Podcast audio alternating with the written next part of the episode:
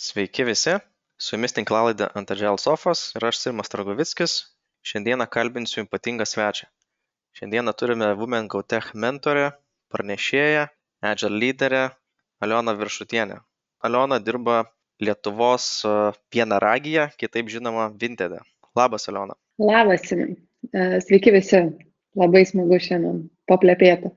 Tai šiandien, Aliona, pasikvietėme neatsitiktinai ir ne veltui, kadangi norime pasikalbėti apie vadovavimą Agile aplinkoje. Ir norime iš Alionos ilgametės patirties sužinoti, kas čia yra svarbu, kokią reikšmę turi vadovas Agile komandai ir kaip keičiasi vadovavimas e, lyderystė aplamai ilgainiui, laikui bėgant. Tai pradžioje, Aliona, aš tau turiu tokį, sakyčiau, paprastą klausimą, tikiuosi, kad paprastas klausimas. Mhm. Kas tau yra Agile vadovas? Kuo jisai skiriasi nuo tradicinio vadovo? Žinai, man apskritai įsimė atrodo, kad mes šiek tiek kažkaip pervertinam visą tą reikalą su agile tradiciniais vadovais. Man turbūt nėra to tokio, tokios takoskiros tarp šių dviejų rolių ir aš sakyčiau, kad tiesiog vadovas, kuris nori būti lankstus, adaptuotis prie to, kas vyksta, greitai mokintis iš savo klaidų, jis turi ar tu būtum ten tradicinis, kaip mes vadinam, ar agile vadovas, tu tiesiog turi gebėti klausyti savo žmonių, su kuriais tu dirbi. Ir jeigu tu nori būti tas, kuris viską žino, tai greičiausiai aplinkoje, kuri nori būti adaptyvi, lanksti, greita, tą būtų labai sunku padaryti, ypač jeigu yra didesnė organizacija. Kadangi tu tiesiog nebegali būti visko ekspertų ir I know it all statusų, sakykime, vadovauti ir skirstyti darbus. Ne veltui mes sakom, kad Agile aplinkoje mes daug kalbam apie komandų įgalinimą, apie tai, kad e, mūsų žmonės žino geriausiai. Todėl mes e, kartais pasijuokiam aplinkoje, kurią mes vadinam agile, tu turi ne tai, kad dėdi žingsnį į priekį, bet e, žingsnį dėti atgal, atsisėsti ir išklausyti, o ką tavo aplinka tau sako man tradicinis vadovas, jeigu jis yra išmintingas vadovas e, ir dirbantis bet kokioje įmonėje ir bet e, kokioje srityje, jeigu jis e, iš tiesų yra tas, kuris įgalina žmonės, jų klausosi, nori suprasti, apie ką yra pokyčiai, apie ką yra iššūkiai, apie ką yra pagrindinės rizikos, su kuriuom jis susidarė ir jis nori jas reaguoti proaktyviai, o ne reaktyviai. Ir yra tas vadinamasis agile vadovas, nes man apskritai tas žodis, žinai, agile prisimenant dar 2015 metais berots įrašytą vieną iš konferencijos pranešimų, kad šiek tiek juokinga, kad Agile rašom iš didžiosios raidės ir sakom, kad tai yra kas, nes realiai turbūt Agile yra tai, kas yra kaip, ne? kad tai yra realiai būdvardis, kaip tu darai dalykus. Tai matyt, lygiai taip pat yra apie vadovavimą. Ir paminėjai tokią vieną, sakyčiau, ky svarbę frazę, kad norint šiais laikais ar ne reaguoti greitai, pristaikyti prie aplinkos, e, būtent vadovas turi neturėti tarsi ekspertinių žinių arba nesakyti, kad aš viską žinau, bet iš tikrųjų pasikliauti komandą ir turbūt e, leisti komandai pateikti pasiūlymą ir išklausyti. Mano galva, čia net nebūtinai agile, mhm. bet ar ne, čia tiesiog yra tas vadovas, kuris yra lyderis, ar ne? Kaip tu manai? Nu tai, žinai, O kas yra agile? Nu, tarsi, jeigu jau taip grįžtant, ne, tas žodis, kuris jau kiek smažadis yra didžiojo agile coachų, turbūt bendruomeniai. Tai yra realiai, kad tu mokiniesi, kad tu darai viską smulkiais, sakykime, žingsniais, pasimdamas iš to pamokos, ne? Tai, kad tu prisitaikai prie konteksto, tai, kad tu bandai surasti geriausią sprendimą tai situacijai, kurioje tu esi šiuo metu, kažkokio žinojimų paremtą sprendimą.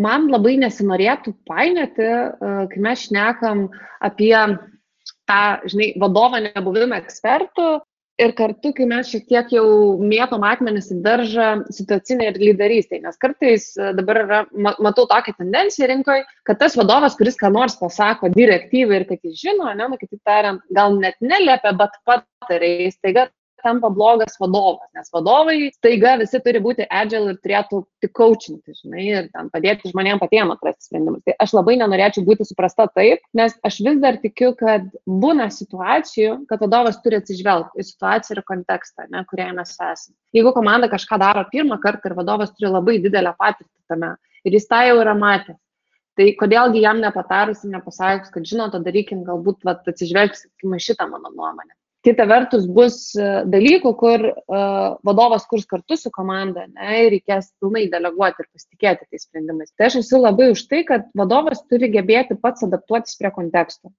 ir suprast, o kada jis turi už rankos pavesti, kada jis turi tiesiog pasaugoti, o kada jis turi pilnai paleisti. Ir man tas lankstus vadovas, adaptyvus vadovas ir yra tas, kuris sugeba visam šitam ratukė suprasti, apie ką yra ta situacija. Ir kartais su tuo pačiu žmogum vienoje vietoje tu įvesi už rankos, o kitoje vietoje tu pilnai deleguosi. Tai va, tai turbūt tai man yra Agile vadovas. Taip, norėčiau dar irgi tavo nuomonę išgirsti. E, ir tu minėjai tokiu atveju, kad galbūt kartais turi išklausyti komandos ir, ir leisti patiems daryti, ar ne, kitais atvejais turi patarti, pasiūlyti.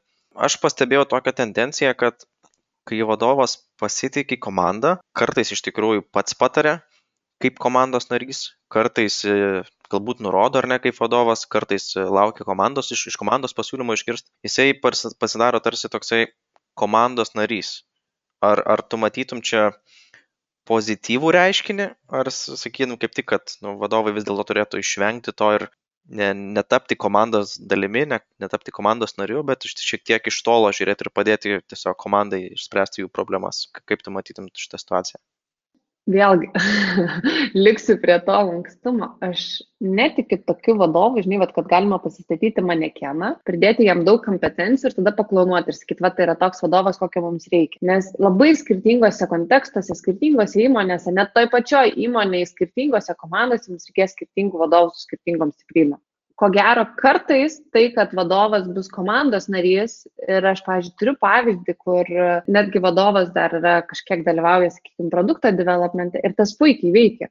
Bent jau toj komandai aš tikrai nematau, kad tai neigiamai veiktų tą komandos atmosferą, ne? kadangi vadovas jis yra čia ir dabar ir jis dalyvauja ir sprendimuose, ir diskusijose, ir kartais jis dalyvauja kaip ekspertas, kartais jis facilituoja kaip vadovas ir jam puikiai sekasi. Ne? Tačiau yra kartais komandų, kur yra labai daug stiprių ekspertų ir tada vadovas turi užsimti tą facilitatoriaus rolę, žinai, kur tu atsistoji, kadangi yra daug labai stiprių ir ekspertinių nuomonių ir kartais reikia tiesiog padaryti taip, kad ta diskusija tarp tų super gabių ir super super gerų ekspertų, jinai būtų produktyvi ir kažkur vestų, ne, nes tiesiog taptų tokia, nežinau, protmušių, kaip aš sakau, žinai, kieno, kieno idėja nugalės arba kaip parodyti vieni kitiem, kad mano idėja galbūt yra stipresnė, geresnė ir paversti tai kažkaip optimaliau, konstruktyviau visą tą diskusiją ir tada tu nebegali dalyvauti diskusijai kaip ekspertas. Kodėl? Nes labai sunku būti vienu metu, žinai, facilitatorium. Aš manau, tu pats tą tikrai esi patyręs, kad kai tu bandai retrospektyvai, pavyzdžiui, būti ir tas, kuris duoda feedback ir dar facilituoja visą retrospektyvą, yra labai sunku šokinėti per tas, nu, tokia, būti susidvėjimus asmenybę, nežinau, ar tu pats tą pastebėjai.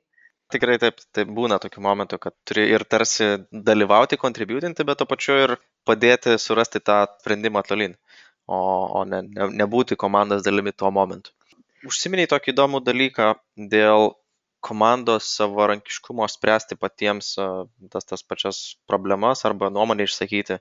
Nors ir man pačiam tenka su tuo susidurti, bet iš kitos perspektyvos aš žiūriu, kartais būna tokių komandų, kai komandos negeba priimti patį sprendimą ir sako, man reikės pasitarti su vadovu, man reikės pasitarti su kitais vadovais, aš negaliu nuspręsti. Bet būna iš esmės tie sprendimai labai paprasti atrodo ir tokie net ne, ne, nesukeliantis daug reikšmės arba didelės įtakos kitiems. Kaip tu iš savo praktikos, nežinau, komandoms padedi labiau tapti savarankiškoms saviorganizuojančioms priimti sprendimus tiesiog ir judėti tolyn. Nes nu mes nenorim turbūt sukurti butelio kaklelio apie save ir tapti priklausomam komandai ar ne kad jie negalėtų priimti sprendimų. Žinai dažniausiai iš mano patirties tas toks nesavarankiškumas kaip mes jį vadinam jis visai nėra nesavarankiškumas, kad komandos 90 procentų atveju, pavyzdžiui, nesugeba nuspręsti arba kad jos neturėtų nuomonės. Dažniausiai tai yra aiškaus galbūt kontrakto tokio nebuvimo tarp komandos vadovo ir, sakykime, to, kas yra aukščiau, ne?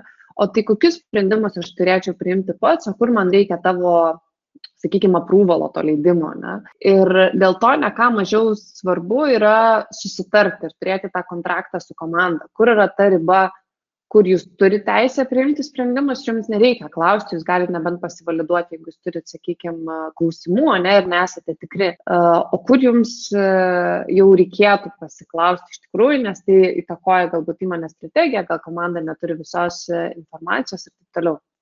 Tai visų pirma, turbūt reikia šitą dalį taisyti ir turėti tą kontraktą. O jau vėliau, jeigu iš tikrųjų yra tie likę 10 procentų, kai komanda ateina, nes jie patys bijo nuspręsti, tai nu, čia visą laiką tas toks e, būna gal pradedančių vadovų, pradedančių komandų uh, simptomatika, kurią paprasčiausiai uh, galima pradėti spręsti tuo, kad paklausti, nepulti sakyti sprendimą, o paklausti, vat, kokia jūsų nuomonė.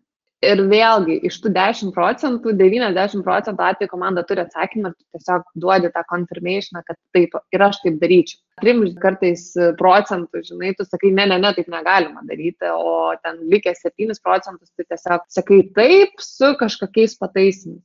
Dėl to manau, kad čia jau tada yra, žinai, kalbama, kaip užauginti tuos komandos narius, vadovus, kad jie būtų labiau pasitikinti savimi priimti sprendimus. Ir aš manau, kad šitą vietą yra labai svarbu dirbti, nes su tuo, žinai, va, auginant kitą vadovą ar coachinant, sakykime, kaip agile coachui vadovą, nešnekėti daug apie what, žinai, ir ką daro, nes tu nesužiūrėsi kiekvieną žingsnį, tu nesužiūrėsi kiekvieno sprendimo, nes tai tiesiog yra, nu, tai nesiskeilina, sakykime taip, ne labai svarbu yra kalbėti apie tai, o kas tam žmogui trukdo priimti tuos kokios ar žinios, ar e, tai trūksta kažkokių žiniai skilsų, ar tiesiog kažkokie asmenybiniai bruožai, kurie stabdo nuo to sprendimo prieimimo ir kalbėti apie tai, o kaip padėti žmogui tapti tą savo geresnę versiją, kad jis jau gebėtų priimti tuos sprendimus, sakykime, taip, teisingesnius ir taiklesnius.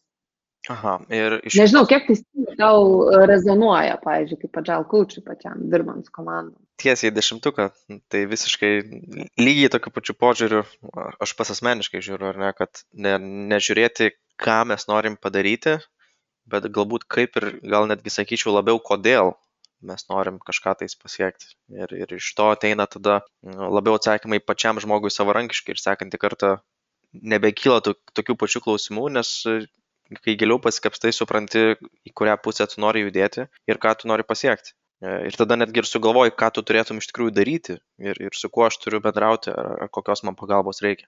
Ir dar noriu paklausti tokį įdomų challenging klausimą, o galbūt ir ne challenging visai tau jisai bus. Mhm. Dažnai kalbam apie self-organizing teamus, savo organizuojančias komandas, kaip mums jų reikia, tam tikri agile metodai sako, kad mums reikia tokių komandų ar ne, kiti apie tai nieko nemini, bet iš esmės dažnai net jeigu ir paskaitysi darbo skelbimus komandos nariams, mhm. vienas iš tokių ar ne, nebūtinai reikalavimų, bet būna parašyta, kad tu dirbsi su saviorganizuojančia komanda. Arba mums reikia žmogaus, kuris padėtų padaryti saviorganizuojančią komandą. Kaip tau atrodo, ar pati saviorganizuojanti komanda iš savęs gali egzistuoti, ar tokiai komandai visgi vis tiek reikalingas yra lyderis, vienas žmogus, kuris padėtų tą užtikrinti? Kokia tavo nuomonė?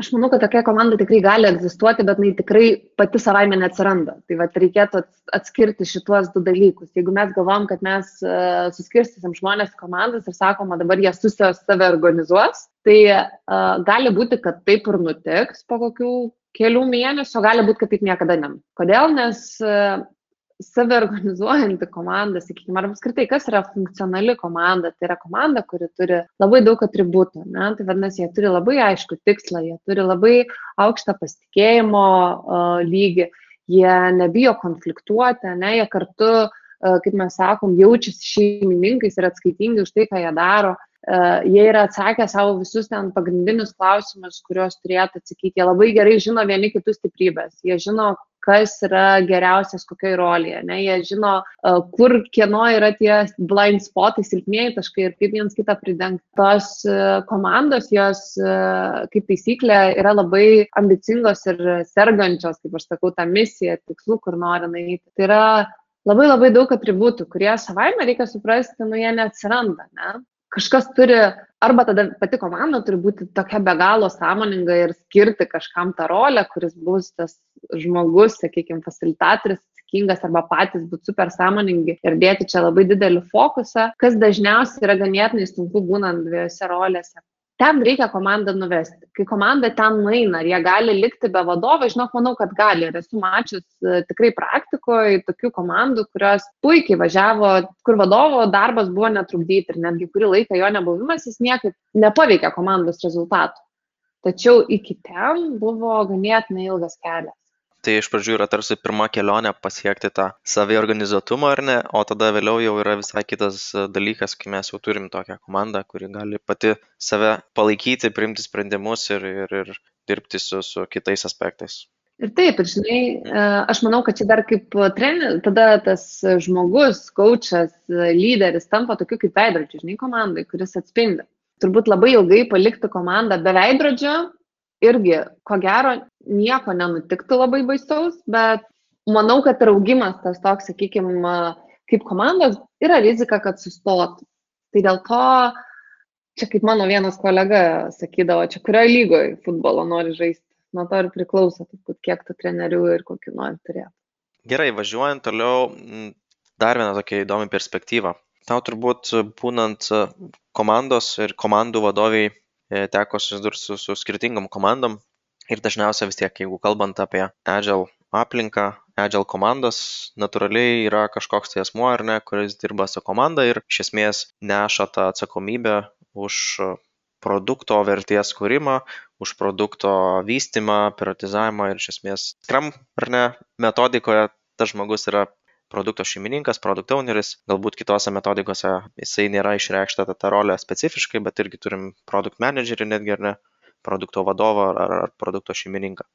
Ar tau kaip komandos vadoviai tenka dirbti su produkto šeimininkais ar produkto vadovais ir kaip, kaip čia atrodo tas santykis, nes labai įdomi, ar net atrodo, kad komandos vadovas tarsi atsakingas už komandos žmonių susivienijimą, už jų auginimą, už komandinių problemų sprendimą ir atsiranda kitas žmogus iš kitos perspektyvos, kuris yra susidomėjęs į produkto kūrimą. Aš nežinau, kiek jam yra aktuali pati komanda kaip čia vyksta tas bendradarbiavimas? Ar, ar pas jūs irgi yra panašiai Vinted, ar, ar kažkaip kitaip naudojate kitas praktikas? Pas mus yra dar įdomiau, mes turim keturias disciplinas - PDA, tai vadinasi Engineering Product Design ir Analytics. Tai uh, mes, sakykime, strateguojam uh, keturiese net nedviesiam, bet e, šiaip visą gyvenimą, tai be abejo, man e, teko dirbti tiek su produktistais, dabar labiau su produkt direktoriais, tiksliau direktorė, pavyzdžiui, ir šiuo metu ir praeitam garbė turėjau garbę dirbti su direktoriam.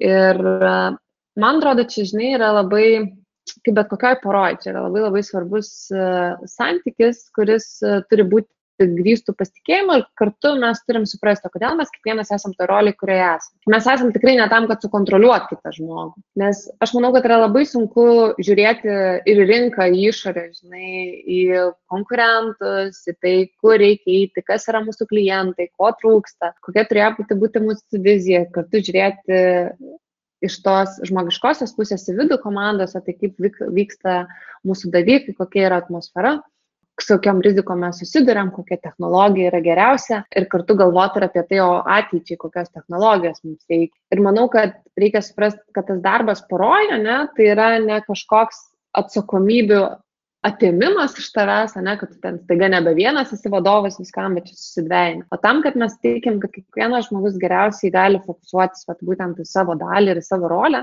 ir viens kitą papildyti. Ir man atrodo, kad va, tas santykis ir yra esminis. Ar tu žiūrėsi į tą santykį, kad, va, žiūrėk, mes viens kitą papildom ir kiekvienas operuojam savo stiprybėmis ir tokiu būdu aš galiu atnešti to vieną, sakykime, tau reikia nebe 360 laipsnių žiūrėti, tik 180, aš to atnešu dar 180, mes sudedam ar mes turim tą pilną matymą. Man atrodo, kad labai svarbu suprasti, kad tai irgi yra santykis, kuris lygiai taip pat kaip, kaip sakai, save organizuojanti komanda turi praeiti per visas, visas fazes, taip ir tas santykis tarp produkto ir, sakykime, ar coacho, ar team lydo, ar, ten, nežinau, inžinieringo direktoriaus ir produkto direktoriaus turi praeiti per visas tas fazes ir suprasti, kaip mes viens kitą papildom, ne, ir kaip mes, kur yra vienas kito stiprybėm ir tiesiog pasitikėti. Nebandyti būti ekspertų visame tame ir, nežinau, patarti visą laiką ir sakyti, va, kaip tu čia turi daryti, bet pasitikėti sprendimais ir sakykime, atspindėti, jeigu kažkur matom, kad kažkas netinka. Ir tarkim, Vintede mes turim, kaip aš minėjau, dar dvi disciplinas ir mes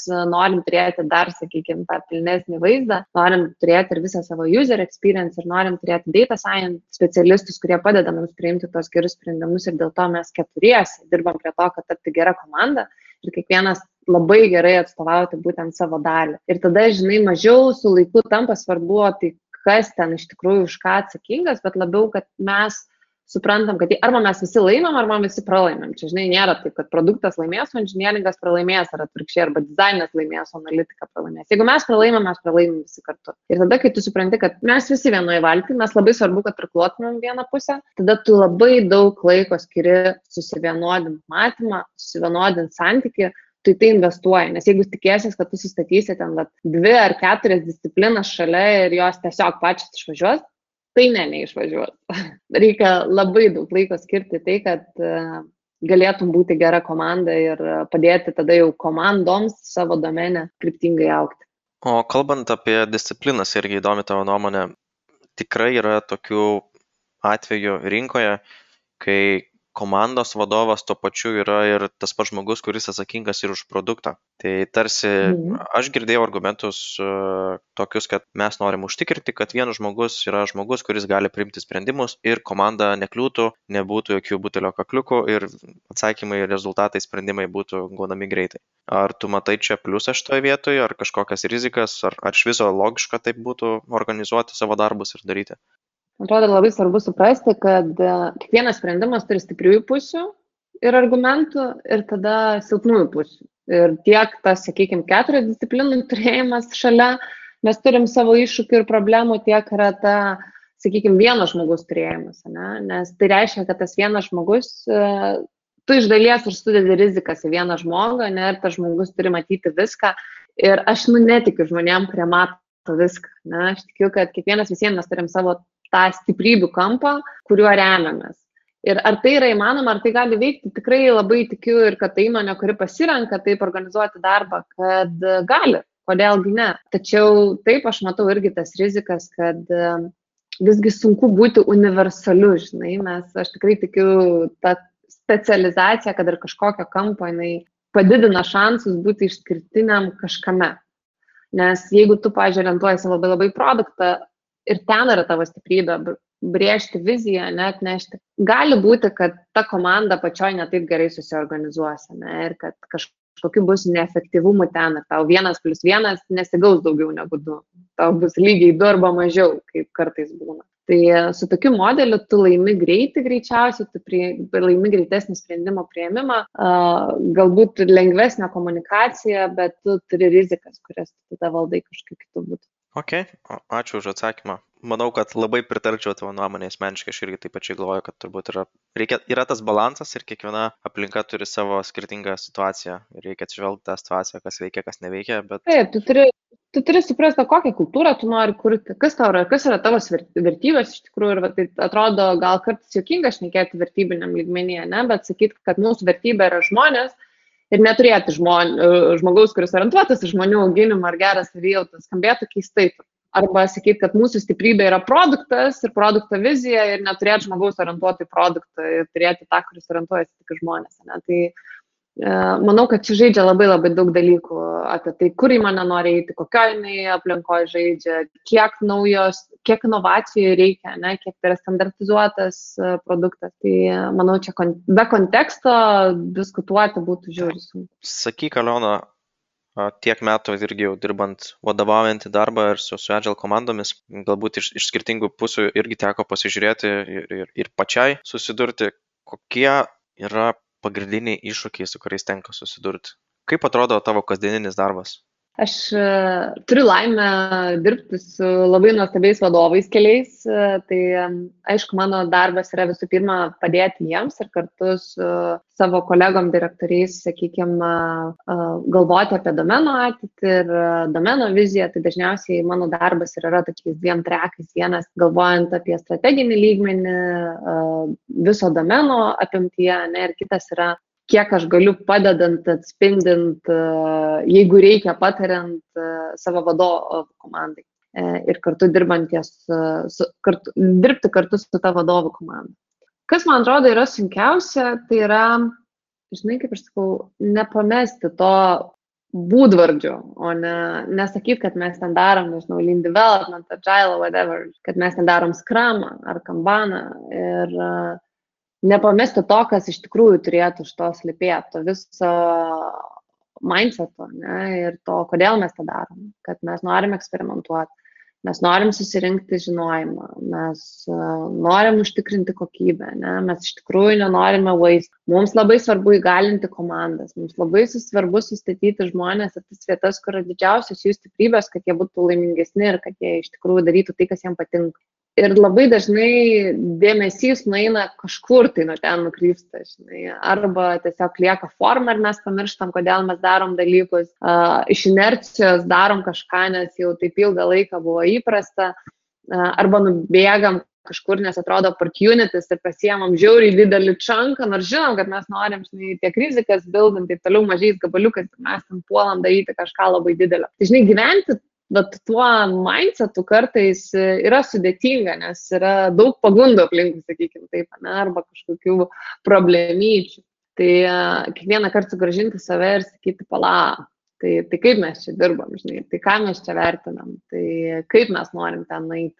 Tai va, tai turbūt šitą, žinai, yra sunkiausia. O kitas dalykas - suprasti, kad už bet kokią procesą, už bet kokią dalyko slypi žmonės. Ir tu gali uh, sakyk, kiek nori, bet jeigu negali aplankyti artimųjų, jie sėdi namie, nežinau, stresuoja ir irsta, tu negali sakyti, kad tai yra tik darbas ar tik namai, nu, visą tai yra susiję. Ne? Ir tu turi prisitaikyti, kad e, dalykai gali keistis, kad žmonių nuotaikos gali keistis, kad žmonių fokusas gali keistis, produktivumas gali keistis. Ir su visu tuo tau reikia būti ir adaptuotis ir, ir ieškoti naujų būdų, tai kaip dirbti. Ne? Vat, mūsų dabar visi dirbam iš namų. Tai, kas buvo, nežinau, prieš metus, sakytumėm turbūt netgi daugiau, kol dar neprasidėjo visa COVID banga, kad yra neįmanoma efektyviai visą laiką staiga imti ir pradėti dirbti iš namų. Dabar mes to truputį priprantam, ne aš manau, kad bus naujas iššūkis grįžtant į ofisą, vėl pradėti produktyviai dirbti iš ofiso. Taip, sunkiausia turbūt yra, žinai, suprast, kad niekada nebus idealios situacijos tu turi, vat, kaip mano agile coachas sako, žaisti tom kortom, kurias tu turi ant rankų.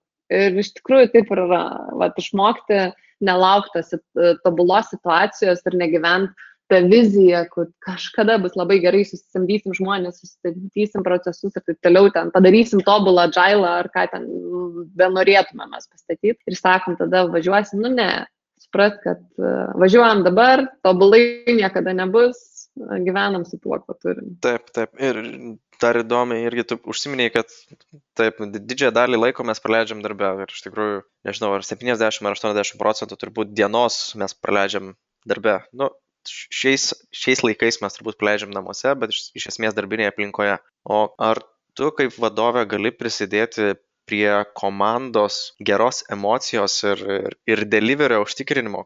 Kokie būtų, nežinau, tavo patarimai arba ką tu dabar darai, norint užtikrinti va, tą gerą delivery šitoje situacijoje, kai dirbam iš namų nuotoliniu būdu ir taip pat palaikyti gerą emociją?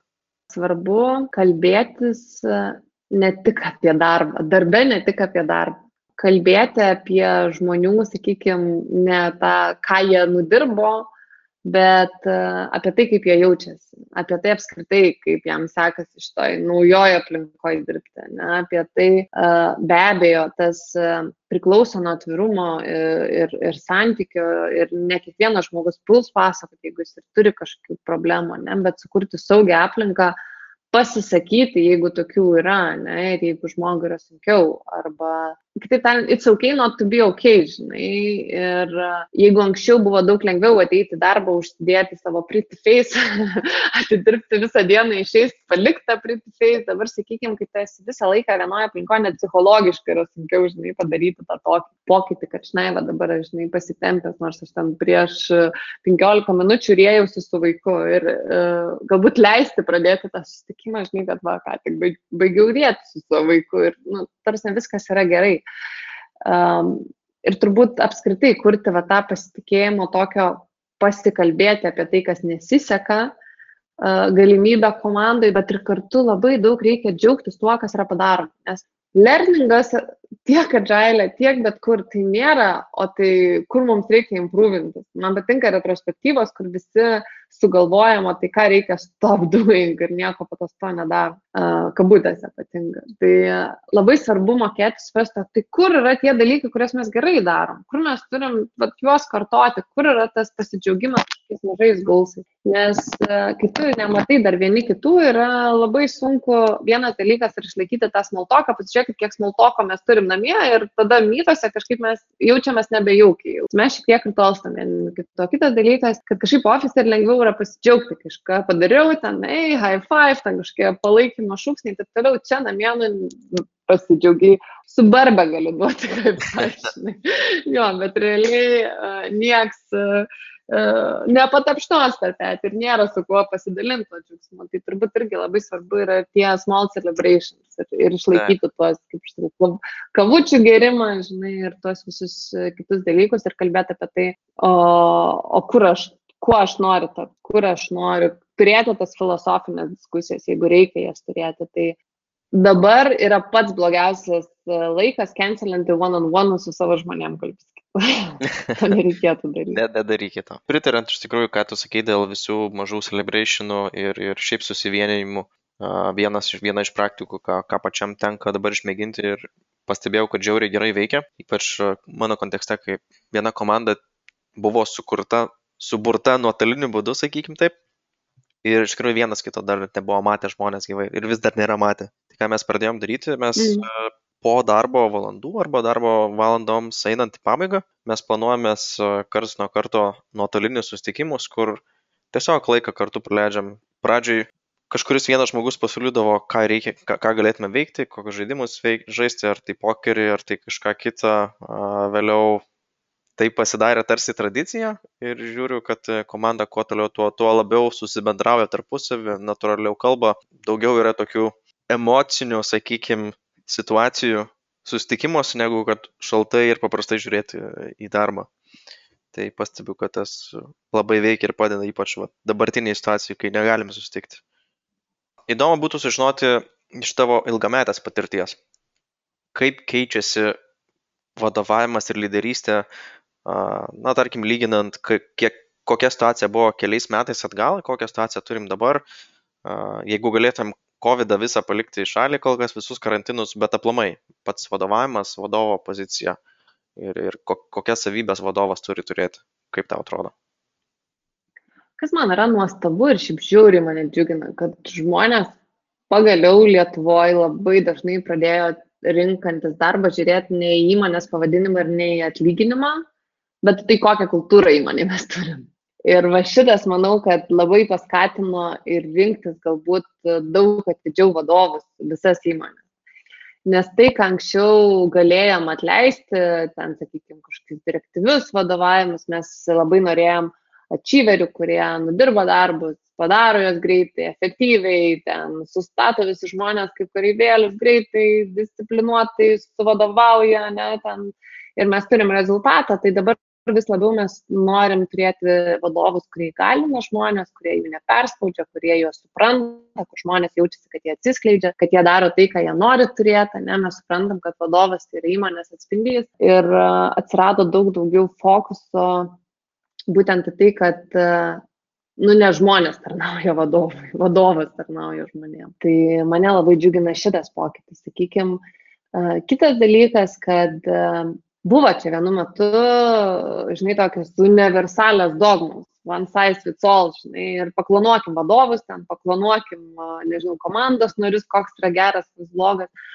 O dabar vis daugiau eina kalbos apie kontekstą, apie tai, kad mes kiekvienas esam unikalus ir one size fits one ir e, kad turim vieną, sakykime, žmogų ir mes turim rasti, o kaip geriausiai išnaudoti jo stiprybės ir kad tas pats žmogus gali būti tobulas darbuotojas vienoje įmonėje ir visiškai netinkamas kitoje. Ne? Ir tai nepadaro jo blogų darbuotojų ir kad yra labai svarbu atsirinkti tai ir suprasti, o ko tu nori. Kokiu darbuotoju tu nori, tai kokia yra ta tavo aplinka, kurioje, kokie žmonės joje žydi. Tai man labai patinka tas fokusas, žinai, į empatiją, į supratimą, kaip teisingai atsirinkti žmonės, kaip padėti jiems atsiskleisti ir va tai, kad mes nebebandom sakyti, kad va čia yra viena universali tiesa, jinai visiems tinka, čia yra kita universali tiesa, kuri visiems tinka. Nes, nu, netinka. Turbūt šitas. Ir kitas, kuris, man atrodo, nebūtinai e, vyksta, kas liečia ten, nežinau, laikotarpį, man atrodo, kad protingi vadovai, išmintingi, jie tą išmokdavo ir prieš 60 metų ir jie išmoksta tą dabar. Žinai. Nuo to, kur tu esi labai kietas ekspertas, kur gali viską geriausiai pasakyti, kur tu perini į tą, kuris nieko nežino. Tai man atrodo, žinok, čia gal ateina su amžiumi, o gal su ta patirtim, bet aš kažkaip netikiu, kad čia yra vien tik ten agile ar ne agile pasiekmė, aš tikiu, kad tai yra tiesiog išminties pasiekmė, kad kartais tu pradedi klausyti žmonių. Bet tas nieko nežino, žinai, visai nereiškia, kad tu nepasakai žmonėm, kai jie tavęs paprašo directiono, nes jie jo nežino, kad tu jo nepasakysi. Aš manau, kad tas pats išmintingas vadovas, kuris supranta, kad jis daug ko nežino, jis sugeba kartu ir jeigu reikia, duoti aiškę kryptį ir fokusą net tada, kai jis pats nieko nemato. Tai čia tokia tarsi individuali evoliucija, ką tu turėjai omeny, ar ne, kad nesvarbu, ar, ar mes turime agile, ar neturime agile, bet turbūt kiekvienas tas išmintingas vadovas evoliucionuojasi ir, ir supranta, kad e, jisai turi atsistoti į tuos batus, kai sako, kad aš nežinau, bet uh, iš tikrųjų padėti komandai nuspręsti tą kryptį. Ačiū labai, Leona, už tavo įdomias įžvalgas ir pasidalinimą apie vadovavimą tiek agile, tiek ir ne agile aplinkoje. Galbūt mes iš vis agile žodį šioje situacijoje galim padėti šoną. Manau, labai geri pastebėjimai tavo ir geros patirtis. O visiems klausytojams norėčiau padėkoti, kad klausėtės mūsų. Jeigu turite rekomendacijų arba klausimų, patys norite išreikšti savo nuomonę apie vadovavimą agile aplinkoje ir ne tik, su mumis galite susisiekti L paštu arba palikite komentarą po šio podcast'u. Ačiū, Aliona, už dalyvavimą ir gražios dienos viso. Dėkui, Simai. Iki.